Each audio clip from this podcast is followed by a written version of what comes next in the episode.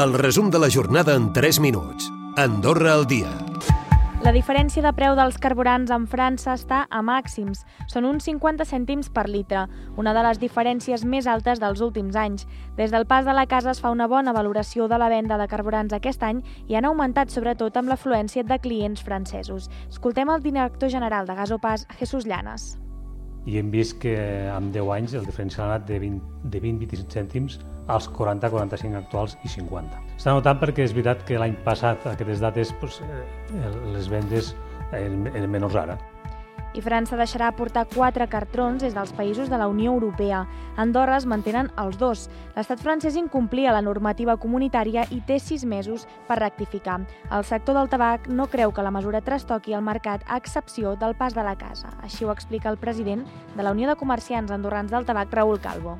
És veritat que potser en el mercat del pas de la casa, que és el que es veu més impactat per aquest tipus de mesures, ja que el turisme que, que visita aquella localitat encara és un turisme molt de compres, molt especulatiu, podria ser que en un moment donat es veigués eh, influenciat per aquesta facilitat a l'hora de, de, de tindre un trànsit més fàcil fronterer per, per la part espanyola, és a dir, entre estats membres de la comunitat de la Unió Europea. El sector reconeix també haver tingut un setembre dolent i creuen que han de treballar per mantenir les vendes, ja que és un mercat que no anirà a l'alça. El tornem a escoltar. Estem quelcom per sota en, en unitats venudes respecte a l'any passat, al tal d'un 5, un 7% per sota. Mai jo crec que no anirem cap a, cap a incrementar o a millorar les ventes. Crec que l'objectiu de mantenir-les en una certa estabilitat és a tot el que ara podem aspirar en aquest mercat concret del tabac. Per altra banda, més de 120 habitatges sortiran al mercat de lloguer a preu assequible a través del programa de govern.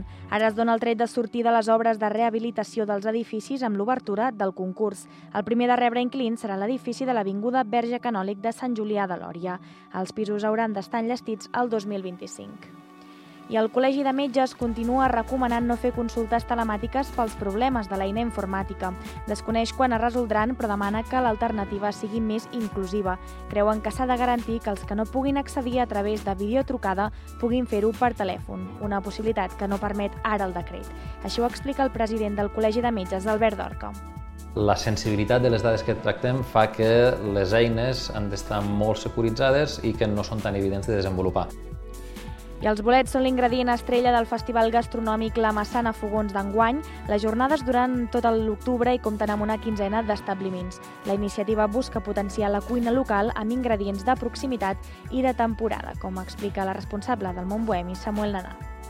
Ves néixer el producte el pots treballar.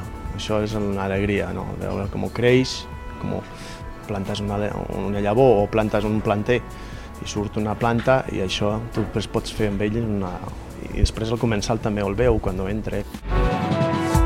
Recupera el resum de la jornada cada dia a AndorraDifusió.d i a les plataformes de podcast.